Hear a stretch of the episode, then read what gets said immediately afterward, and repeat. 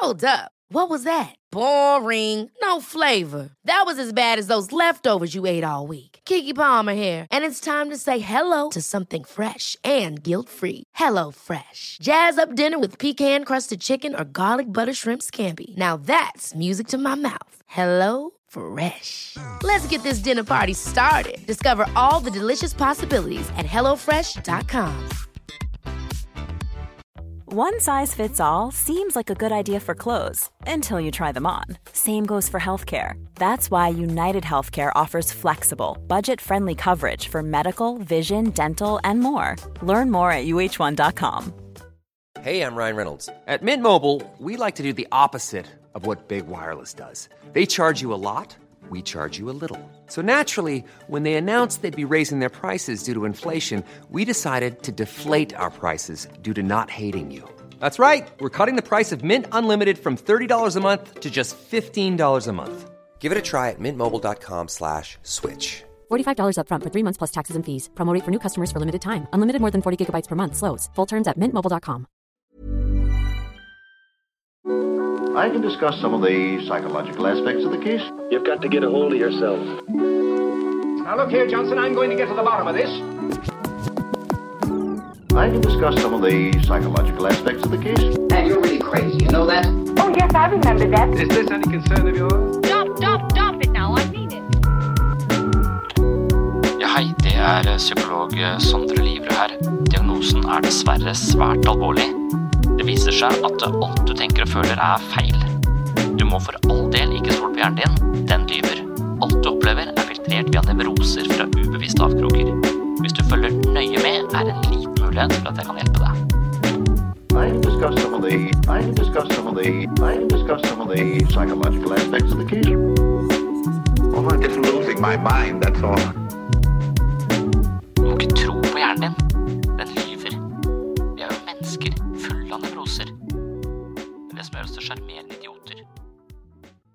Undersøkelser viser at en tredjedel av menn ikke går til en årlig legesjekk for å sjekke helsen, mens to av tre menn anser at de er naturlig i bedre form enn resten av menn. Og det er statistisk sett umulig at majoriteten av menn er friskere enn majoriteten av menn, det sier Thomas Kelly som står bak denne studien. Ifølge de offisielle tallene mener 65% av menn at de er i bedre form enn resten. Og ikke nok med det, ifølge Kelly skal de fleste menn være mer opptatt av andres helse enn sin egen. Menn pleier å prioritere sin egen helse sist i familien, tilsynelatende også etter deres hund eller katts helse. Men skal man kunne ta vare på andre, så må man jo kunne ta vare på seg selv. Dette er en litt tragikomisk studie som sier noe om menns overmot og urealistiske forestillinger om egen helse. I dagens episode skal jeg imidlertid ikke snakke om menns helse, men om forholdet mellom trening og psykisk helse. Fysisk aktivitet er bra for oss, ingen betviler dette, poenget er nesten litt kjedelig og klisjé, likevel må jeg tilbake til kropp og fysikk her på podkasten. I min praksis som psykoterapeut er jeg opptatt av å jobbe på flere områder samtidig.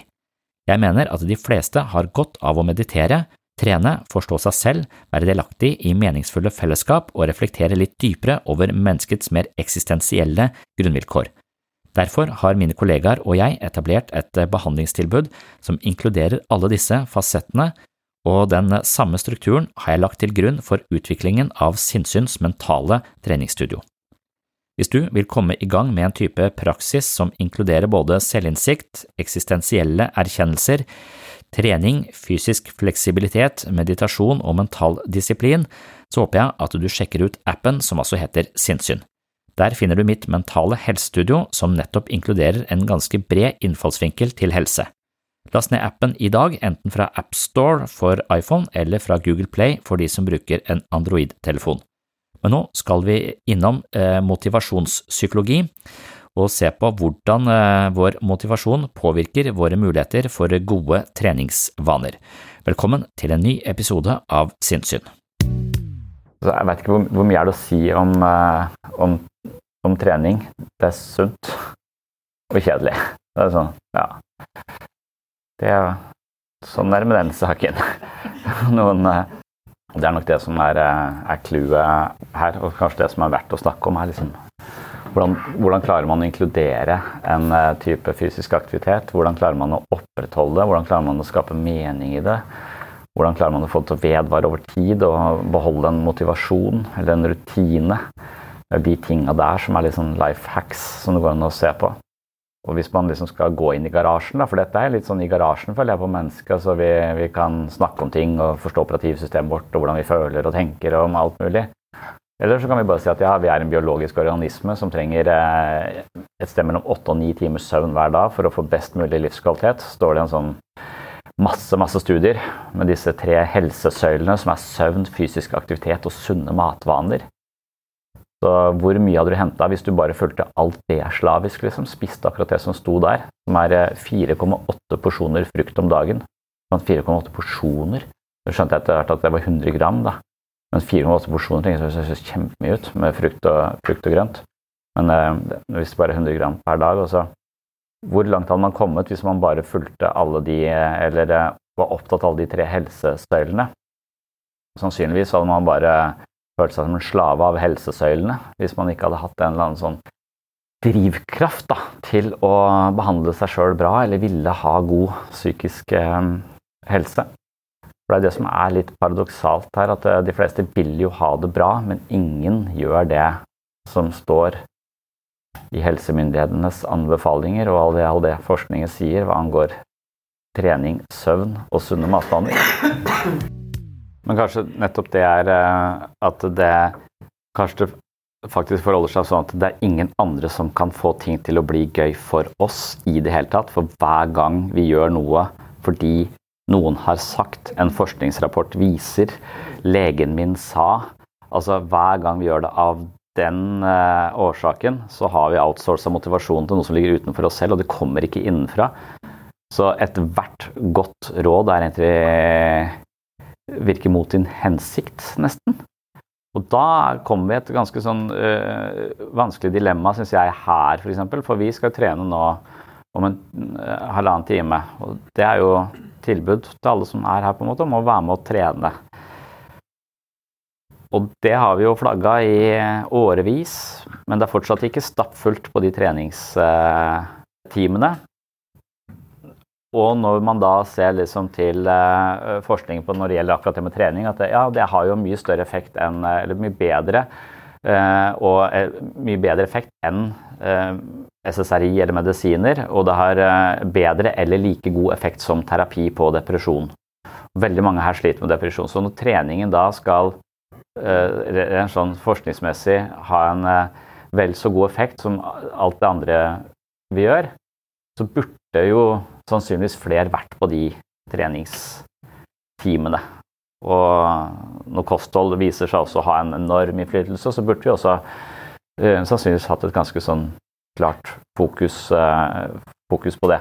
Men hva skal vi gjøre da, hvis det viser seg at eh, når vi driver og messer om trening og prøver å eh, si presse eller motivere eller tvinge eller hva man Det er mange måter å prøve å gjøre det på.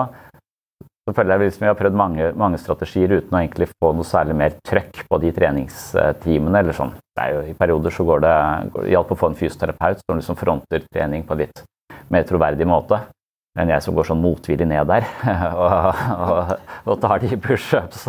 Eh, så, så det er jo jo, jeg, jeg følte den tallskallet satte meg liksom på det sporet når vi snakket om det med indre og ytre motivasjon. At hver gang vi begynner å telle skritt eller eh, telle tid eller, uh, eller noe sånt, så, så, vi, så, har vi liksom outsourca motivasjonen. Vi begynner å, å gjøre det for, uh, for, tidas skyld og ikke for vår egen del. på en måte. Så det jeg akkurat har begynt med, er å sykle i skauen.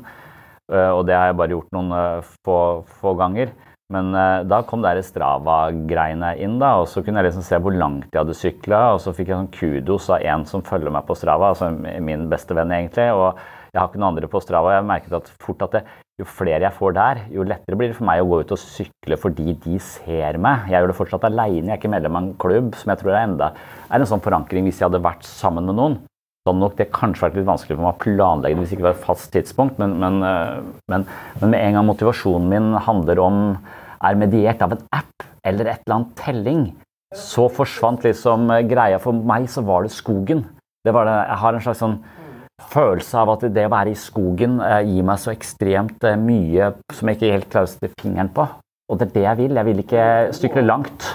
Nei, det, det, er, nettopp det. Jeg vet ikke helt. For det eneste som får meg ut i skogen, er liksom pandemi.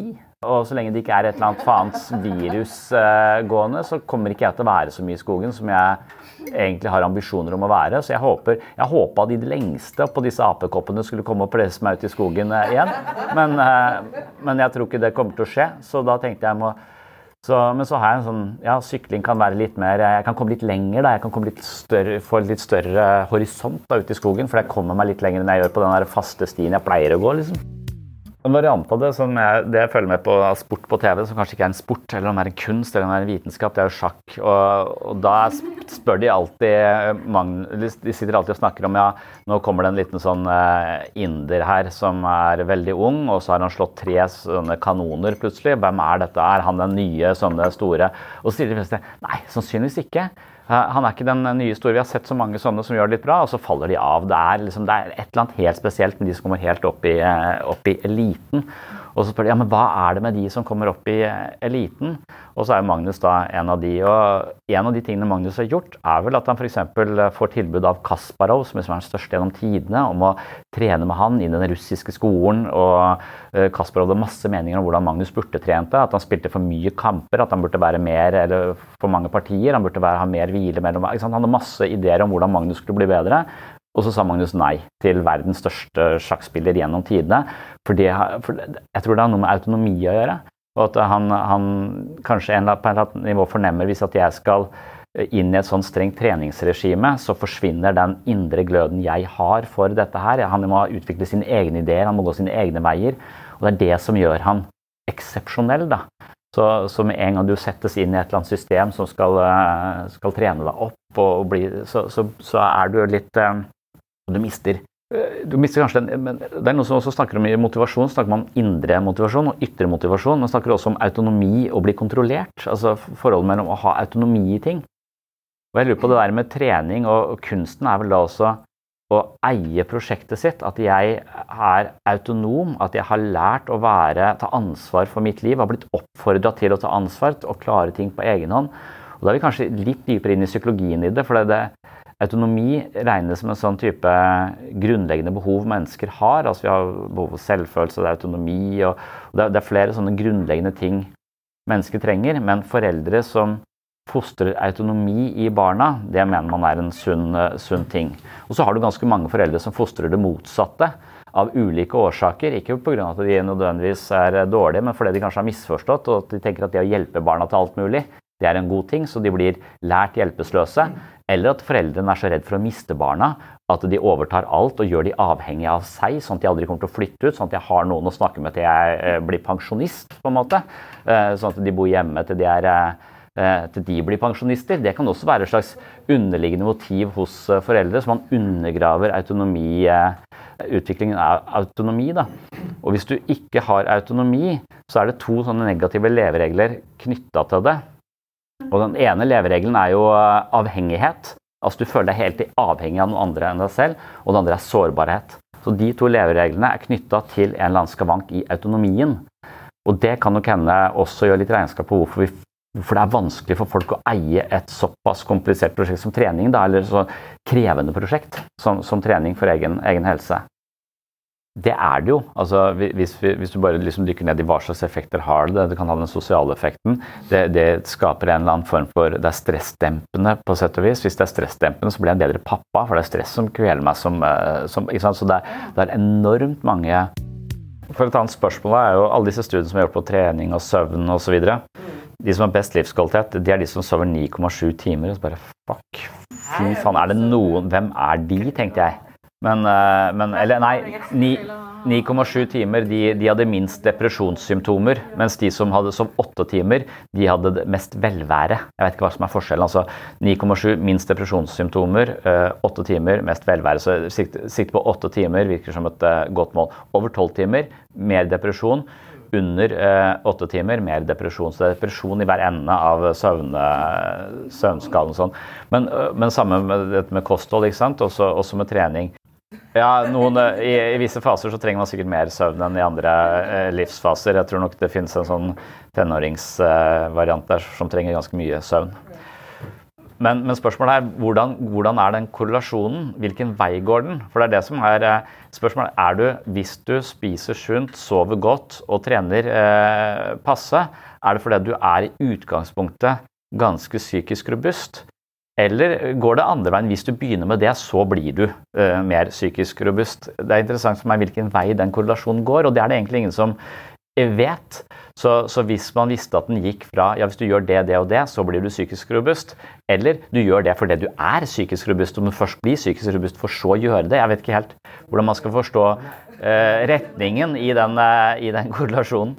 For, jeg lurer på om det er mindsettet som egentlig kommer først. da.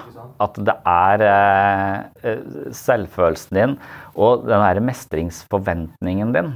For jeg mener å se på jenter jeg trener i fotball, at det, du har noen som har et enormt medfødt motorisk talent, men som likevel ikke får til noen ting, for de har ikke troa på at de kan få det til.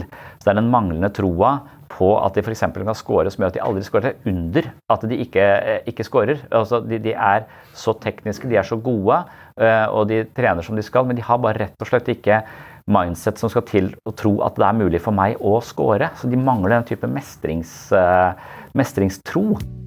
Ja, De blir demente når de er 45, nemlig, eh, hvis du ikke sover. Så det er det som er problemet med manglende søvn. At du kan kanskje få mye ut av livet ditt fram til du er 45. Men da veit du ikke hvem du er lenger. Så troa på at du altså, Og det har vel kanskje med autonomi å gjøre, at du har, en forventning om at eh, du kan få ting til. Og det er det som kanskje er denne autonomien og det der i uh, oppvekstmiljøet også, at du, hvis du, hvis du, får en slags forståelse av deg selv som en som er avhengig av de som er større og sterkere og tar vare på det hele tiden, hvis du har en sånn iboende forståelse av at jeg trenger hjelp til alt, så vil nok mestringstroa di også gå ned. Men hvis du får lov til å prøve å feile, og du blir oppmuntra til å prøve å feile, og oppmuntra til å stå på egne ben, så kan det hende at det er en sånn eh, parameter som spiller en stor rolle på hvorvidt du da har troa på at du kan gjennomføre et treningsprosjekt eller eh, få ting til. Og når du tror det, så blir det sånn også. Altså, det er ikke the secret, men det er jo litt sånn at det, vi tror, det blir eh, virkelig. Altså, det, er helt tydelig på fotballen. Hvis du tror du kan score, så scorer du. Og du kan, du kan tro du er dritgod og, og, og, har potensial til å score masse, hvis det er det som er målet. Og du kan ha null talent, men likevel være toppskårer. Altså, en av mine bedre venner han har ingen talent i fotball, men han er også den viktigste å ha på laget. For han har så klokketro på at vi vinner. Så, så uansett altså Han har null talent, men han har bare enorm tro på seg selv og, og, og laget. Så, så er liksom, han er den viktigste spilleren uten, um, uten fotballferdigheter. Og, og, det er interessant å, så, så, mestringsforventningen spiller så ekstremt stor, stor rolle. Og så lurte jeg på, i tillegg til Når jeg tenker på han, så tenker jeg også at han har installert en type smerteterskel som er ganske høy. og jeg lurer på om det også er en sånn, altså Smerte er også en slags fortolkning som vi lærer. Vi lærer hva er vondt, og hva er eh, noe som er så vondt at vi ikke tåler, det, og hva er så vondt at vi tåler det. Og det er nesten sånn at Jeg forhandler med barna mine hver dag. Hvor skal smerteterskelen min ligge? Og jeg har så vondt her og vondt her. Ja, det går fint. Uh, altså, nei, det går fint. Altså, men hvis jeg henger meg Å, stakkars, det skal vi så, så lurer jeg på om jeg Eller min fornemmelse er at jeg legger smerteterskelen så lavt. Og det ser jeg også på altså, når Vi har hatt delvis sånn styrketrening med, med barn. Da, og så, så, tenker jeg her er det ikke så stor forskjell på fysikken eller hvor mye de har trent. eller Alle har vært på alle treningene, de samme treningene. Men noen kan ligge i planke i to dager.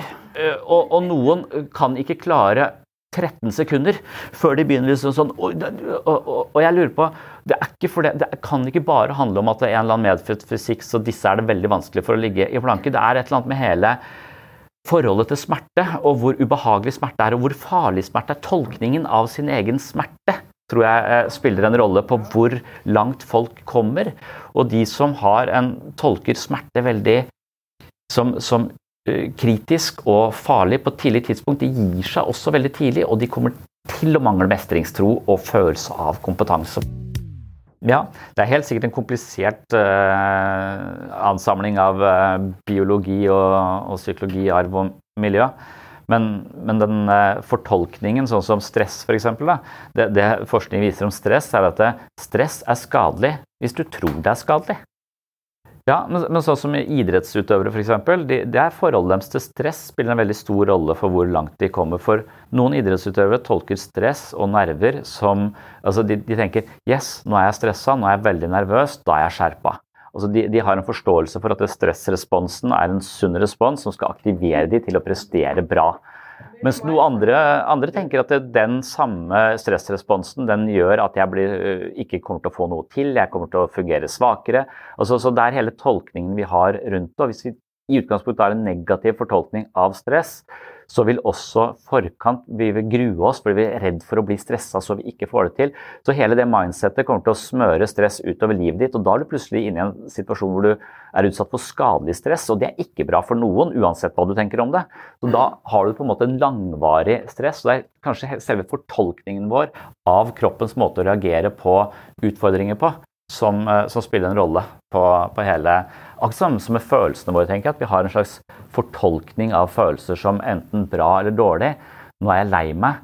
Det er, en, det er, en, dårlig følelse, det burde jeg ikke være. Det er fortolkningen av følelsen som rett og slett går i krig mot din egen sinnsstemning. Lei seg er bare et signal fra følelsene dine om at er, du har blitt behandla urettferdig eller du har blitt svikta. Det er et signal, det er ikke noe som er bra eller dårlig. Det er et signal. Så fortolkningen vår av psyken spiller en rolle. Ja, jeg tror man kunne ha nytta en, bok som akkurat kom av en som heter Paul Bloom, som heter Sweet Spot. Uh, hvor han snakker om hvor mye smerte er bra, og hva, hva er liksom uh, for Hey, I'm Ryan Reynolds. Recently, I asked Mint Mobile's legal team if big wireless companies are allowed to raise prices due to inflation. They said yes. And then when I asked if raising prices technically violates those onerous two-year contracts, they said, "What the f*** are you talking about? You insane Hollywood ass." So to recap, we're cutting the price of Mint Unlimited from $30 a month to just $15 a month. Give it a try at mintmobile.com slash switch. $45 up front for three months plus taxes and fees. Promo for new customers for limited time. Unlimited more than 40 gigabytes per month. Slows. Full terms at mintmobile.com. Hold up. What was that? Boring. No flavor. That was as bad as those leftovers you ate all week. Kiki Palmer here, and it's time to say hello to something fresh and guilt-free. Hello Fresh. Jazz up dinner with pecan-crusted chicken or garlic butter shrimp scampi. Now that's music to my mouth. Hello Fresh. Let's get this dinner party started. Discover all the delicious possibilities at hellofresh.com. There's never been a faster or easier way to start your weight loss journey than with PlushCare. PlushCare accepts most insurance plans and gives you online access to board-certified physicians who can prescribe FDA-approved weight loss medications like Wigovi and Zepbound for those who qualify. Take charge of your health and speak with a board-certified physician about a weight loss plan that's right for you. Get started today at plushcare.com slash weight loss. That's plushcare.com slash weight loss. plushcare.com slash weight loss. For hvis vi har en slags negativ fortolkning av uh, smerte i f.eks. plankesituasjonen, da, at smerte er noe jeg så, så er det som om, uh, som om, smerte er en sånn vesentlig del av livet. Det som gir liksom uh, det, det, som fører til mestring, det som er vanskelig for oss og krever noe av oss, det gir det største utbyttet hvis vi står i det. Og hvis vi da eh, tipper ut veldig tidlig i alle sånne situasjoner, så vil livet også langsomt dreneres for mening. da. Så den, eh, den sweet spot av hvor mye smerte er egentlig, er egentlig bra for oss, hvor mye skal vi tåle, hvor stressende skal en ny jobb føles, hvor lenge skal jeg kjenne ubehag i, eh, i en, en ny livssituasjon før jeg på en måte gir meg og tenker at denne livssituasjonen i jobb eksempel, var ikke bra, eller hvor lenge skal jeg stå i det og tenke at ja, hva, hva, er liksom eh, standarden? Hvor mye smerte skal jeg tåle for at, uh, ting skal, uh, at jeg skal komme ut på, på, med en slags mestringsfølelse og, og styrke? da? Men, men, men, jeg, tenker på heller en slags verdi i smerten. Da. At, eh, at jeg, jeg, har ikke en, altså, Målet mitt må være ja, det må være gøy å trene. Det skal være eh, gledelig å trene. Nei, kanskje det skal være jævlig kjipt å trene. Og det syns jeg det er. Og det er kanskje bra. Ja, Men vet ikke om det skal være gøy. Skal bare, jeg skal bare akseptere at, det, at smerte og, og, det som er tungt og kjipt, har en verdi. Akkurat som han, han første eksempelet hans er liksom helt banalt. Det er jo med ferie. Hvis du er på Gran Canaria 14 dager, så er det ofte ganske greit. Tre uker, mulig greit. en måned eh, begynner å bli litt eh, vanskelig. Og hvis du skal være der et halvt år på Gran Canaria, så blir du suicidal. Da orker du ikke mer. Hvis ferien varer for lenge, så blir den meningsløs. Den må stå i forhold til, til noe annet, på sett og vis. Så hvis vi ikke skaper den eh, friksjonen eller den referansepunktet i livet vårt Nettopp om at trening kanskje skal, Målet mitt jeg skal ikke lenger være at trening skal være så jævlig lystbetont og gøy. Det skal bare være jævlig kjipt og tungt. For det er viktig for livskvaliteten min. Men det med valg syns jeg, det, det synes jeg nesten blir sånn i motsetning til dette. For på den ene siden, når vi snakket om valg, så tenkte vi at ok, vi lever i en verden hvor vi har altfor mange valg. Det å ta valg for oss, det er som å skru på et eller annet sånn der, eh, demokratisk byråkrati inn i huet vårt, så bare alle skriker. Hver gang vi står overfor en valgsituasjon, så begynner ulike elementer i hjernen å kjempe om å ville noe i den valgsituasjonen. Så valget blir ekstremt komplisert eh, for oss. Og det var det vi snakket om med valg. altså hvis, eh, og, og Rådet da var å gjøre mest mulig av livet sitt eh, om til noe som ikke er et valg, men noe som du bare gjør. etter at du, men La oss si at du bestemmer deg for å trene, og så er det 1000 stemmer som har noe de skulle sagt om det. Nei, du burde gjøre det, du burde gjøre det. Så hjernen din begynner å, og kverne på hva du skulle ikke, hva slags treningsform osv. Men når du først har tatt et valg i det der underhuset i England hvor alle skriker om hva de mener om, om en sak, så har vi liksom slått fast en plan. Ja, jeg skal trene, jeg skal ikke ha dette oppe til vurdering lenger. Nå har vi bestemt oss for det. Flertallet har talt, de har telt opp alle stemmene. Vi skal trene hver mandag klokka tolv, og det skal aldri være opp til vurdering igjen. Da tror jeg du eh, har på en måte, Og hvis du da eier det prosjektet, eller hvis du, hovedpersonen, den du føler er, er egentlig ikke var, ikke var ikke enig i den avgjørelsen. Du er i opposisjonspartiet som mente at det egentlig Så vil du drive og plage deg selv litt hver gang. Du, du må liksom stole på din egen eh, president eller, eh, eller eh, altså, hovedperson. Du må, være, du må, tenke at ja, nå har jeg valgt dette, og jeg eier dette. og Det er autonomien igjen. da, Stå for det å tro på at det, eh, dette er et viktig valg. Det har jeg eh, tatt ut ifra alle de stemmene som har fått tale i mitt hode. Og så har jeg ikke, og etterpå da så skal du ikke tenke ja, skal jeg trene i dag, da? Skal jeg ta det? Skal vi trene? Hvor lenge? Og så gjør det, om fra, gjør det om til noe som du ikke trenger å velge igjen. For du skal forhandle med deg selv hver gang, så blir det et jævla bråk i huet ditt hver gang du skal velge det på nytt. liksom. Og det bruker vi så sykt mye energi på at vi nesten ikke får gjort levd livet vårt i mange sammenhenger. At vi velger, står, lurer på og vurderer osv. osv. Så Derfor så vil jo det å gjøre disse valgene om til rutiner være det klokeste når det gjelder sånne gode ting som er bra for, for livet vårt. Og, men, men, sannsynligvis så bør vi forankre en sånn type motivasjon i noen andre. Forplikte seg til et fellesskap fordi vi ikke eier nok styrke i oss selv, kanskje. De begynner å plapre og være misfornøyde. Og vi bør også kanskje finne en eller annen verdi i det som vi eh, har, eier selv. Da, som vi, som, så det er en god begrunnelse for å gå og, og trene. Og hvis den gode begrunnelsen min er at jeg, ja, jeg skal trene for folk sier det blir så Når du gjør det lenge nok, så blir det gøy. Altså, nå har jeg holdt på med dette i fire år. Det er fortsatt ikke gøy. Vi gjør det samme eh, ti år, ja. Nå har vi gjort det i ti år, det er fortsatt ikke gøy. Men det er kanskje verdien at det ikke er gøy, da. Det er kanskje det som er den virkelige verdien, er det som gjør livet mitt så mye bedre med den treninga. Men poenget mitt er bare at jeg tenker at det, det er viktig at livet ikke er uh, gøy. Det er viktig at livet er smertefullt og, og, fullt av faenskap også, for at det skal få noe betydning, liksom. At det skal være en referanseramme som gjør det gode godt og det kjipe kjipt. For hvis ikke så blir vi i en sånn ingenmannsland, i en sånn type limbo uten følelser.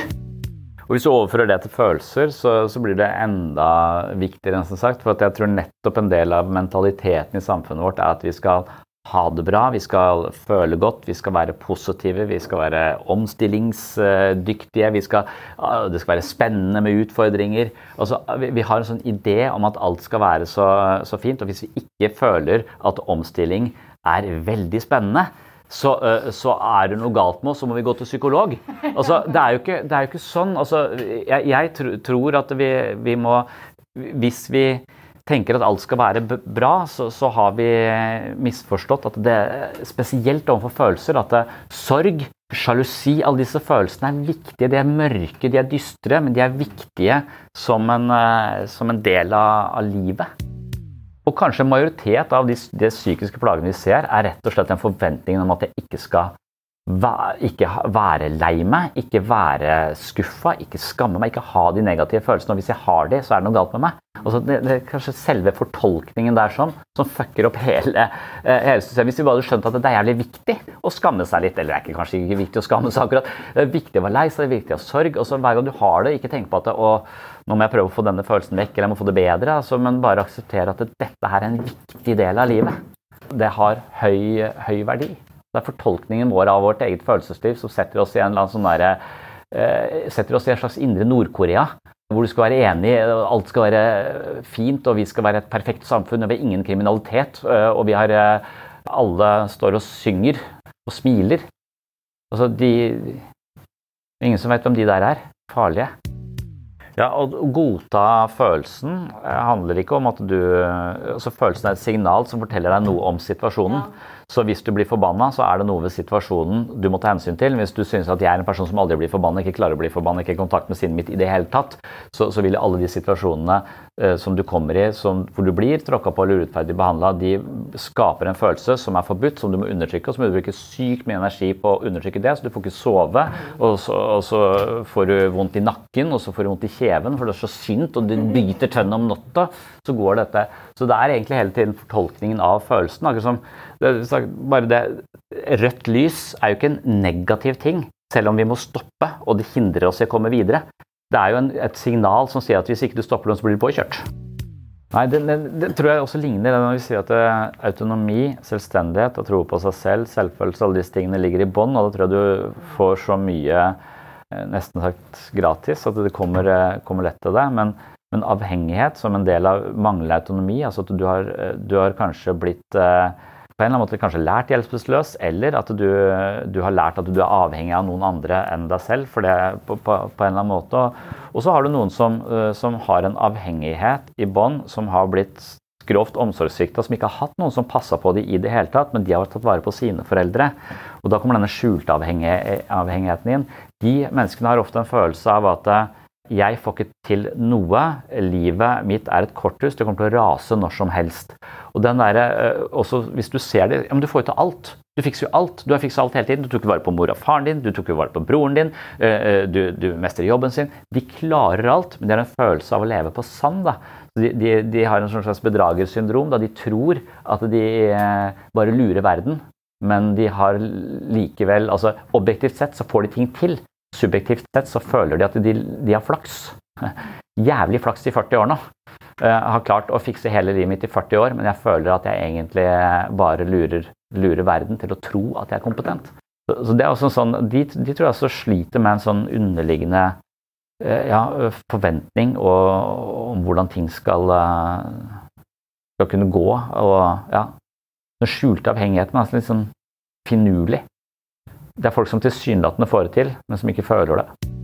Jeg vet ikke om idealet har forandra seg, eller om, det er noe sånn, sånn, sånn snowflake-aktig at vi, at vi tåler litt mindre, mindre, motgang og smerte enn vi, enn vi, gjorde før, eller forventer litt mindre. Altså, ja. Også, hva, hva, liksom, hva, er forbildene våre også?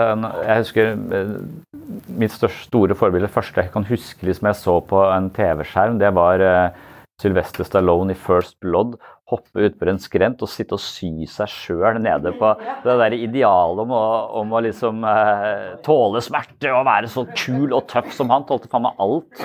Det å sy seg sjøl, liksom. Hadde sånn Rambo-kniv hvor vi hadde sånn sysaker inni der. Og det var jo så ille å sy seg sjøl i armen. Det, så. Jeg, liksom, jeg lurer på hvor mye fortolkningsstrategiene våre spiller inn på dette, og hvor mye kulturen påvirker fortolkningsstrategiene våre med hensyn til hva som er smertefullt, eller med hensyn til hva som er eh, psykisk lidelse, f.eks. Altså hva, hva er eh, vi, Det er en slags problem med det subjektive. Vi vet jo ikke egentlig hvordan andre har det, eh, med hensyn til hvordan vi selv har det. Og det er egentlig også et problem i hele psykisk helsevern, er jo at vi vet jo ikke egentlig hva det vil si å være frisk. Så når er man ferdigbehandla? Hvordan føler man seg egentlig da? Altså, du, du, blir skrevet ut fra sykehuset når bruddet liksom er eh, spjelka og du har fått noen krykker og du kan, eh, kan, gå. Altså, da har vi kommet dit vi skal. Det er ganske tydelig når du skal skrives ut fra somatisk sykehus. Veldig utydelig eh, hva som egentlig representerer eh, friskhet når det kommer til det, det psykiske. Det er jo et uh, umulig felt å avgjøre, på sett og vis. Og da er det litt sånn Kanskje redd for at vi i en sånn kultur uh, med en veldig høy forventning om hva livskvalitet innebærer, og hva det vil si å være lykkelig, og hva det vil si å ha det bra, at den lista er lagt på et sånt urealistisk høyt nivå at for det første, hvis du hadde hatt det så bra og vært så vellykka, så hadde du vært verdens kjedeligste menneske.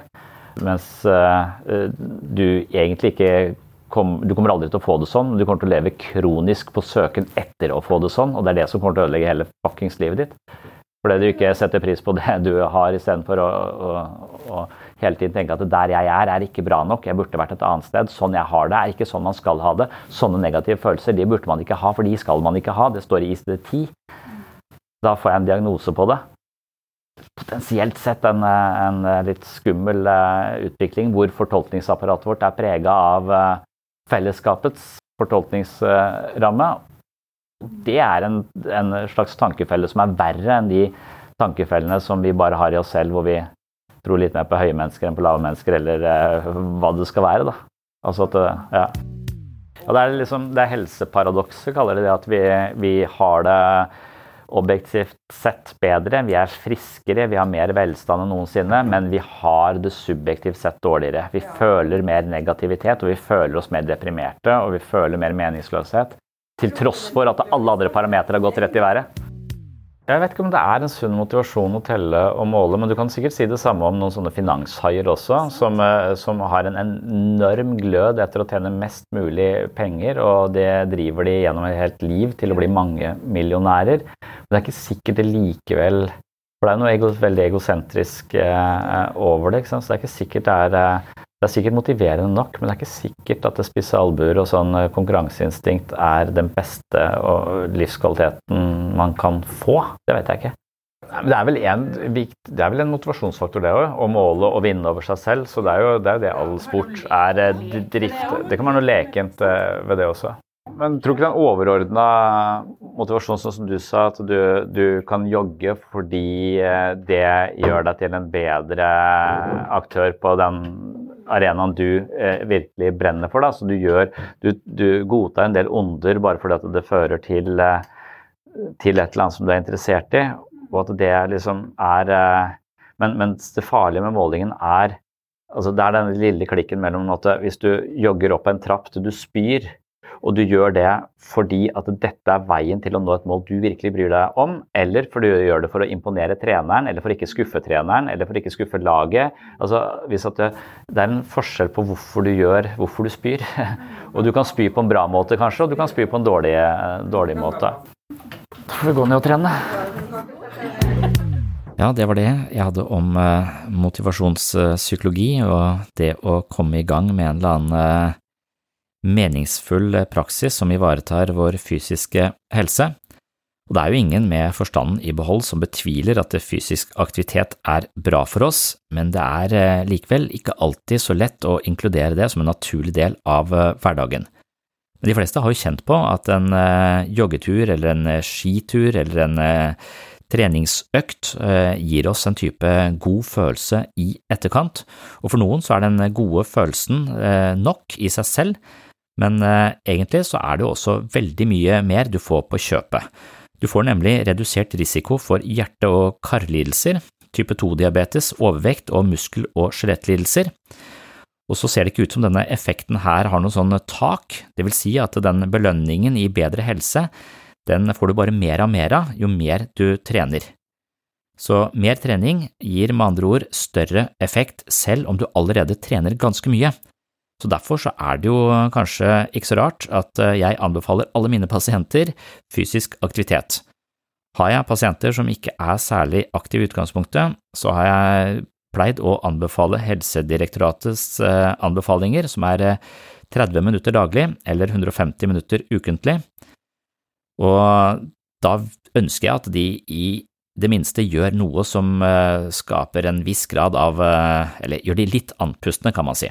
Så hvis eh, pasienter allerede da er i god form, så tenker jeg jo fortsatt at det mer er bedre og anbefaler litt mer ambisiøse mål.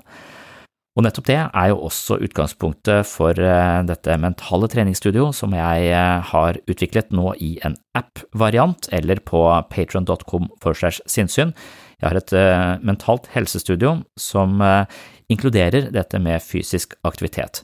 Der inne så er det jo masse ekstramateriale fra denne podkasten, det er masse mentale øvelser, det er en kombinasjon av fitness og yoga, hvor Kenneth Mortensen eh, hjelper deg i form på 20 dager. Det er det programmet skilter med, kom i form på 20 dager, men det er jo egentlig et program i ni moduler som eh, du helst bør eh, kanskje inkludere som en del av hverdagslivet ditt, med da alle disse positive helsegevinstene som er forbundet med fysisk aktivitet. Men jeg tenker at det er kombinasjonen av å ha en god eh, fysisk eh, rutine, men også ha gode rutiner for mentalt vedlikehold og selvinnsikt, og derfor dette mentale helsestudio som du også nå finner ved å laste ned Sinnsyn-appen, enten fra Google Play eller for, eh, fra AppStore for de som har iPhone. Det var det jeg ville si i denne omgang. Takk for følget, og velkommen tilbake i neste episode. Oh, I'm just losing my mind, that's all.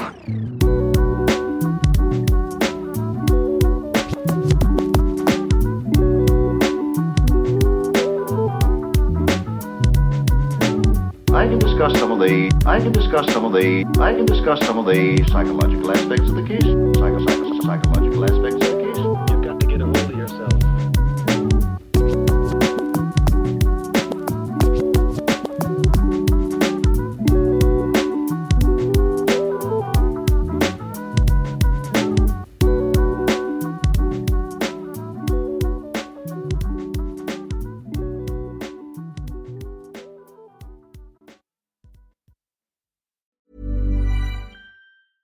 Mom deserves the best, and there's no better place to shop for Mother's Day than Whole Foods Market. They're your destination for unbeatable savings, from premium gifts to show-stopping flowers and irresistible desserts. Start by saving 33% with Prime on all body care and candles. Then get a 15-stem bunch of tulips for just $9.99 each with Prime. Round out Mom's menu with festive rosé, irresistible berry chantilly cake, and more special treats. Come celebrate Mother's Day at Whole Foods Market. Hey, it's Paige DeSorbo from Giggly Squad. High quality fashion without the price tag. Say hello to Quince.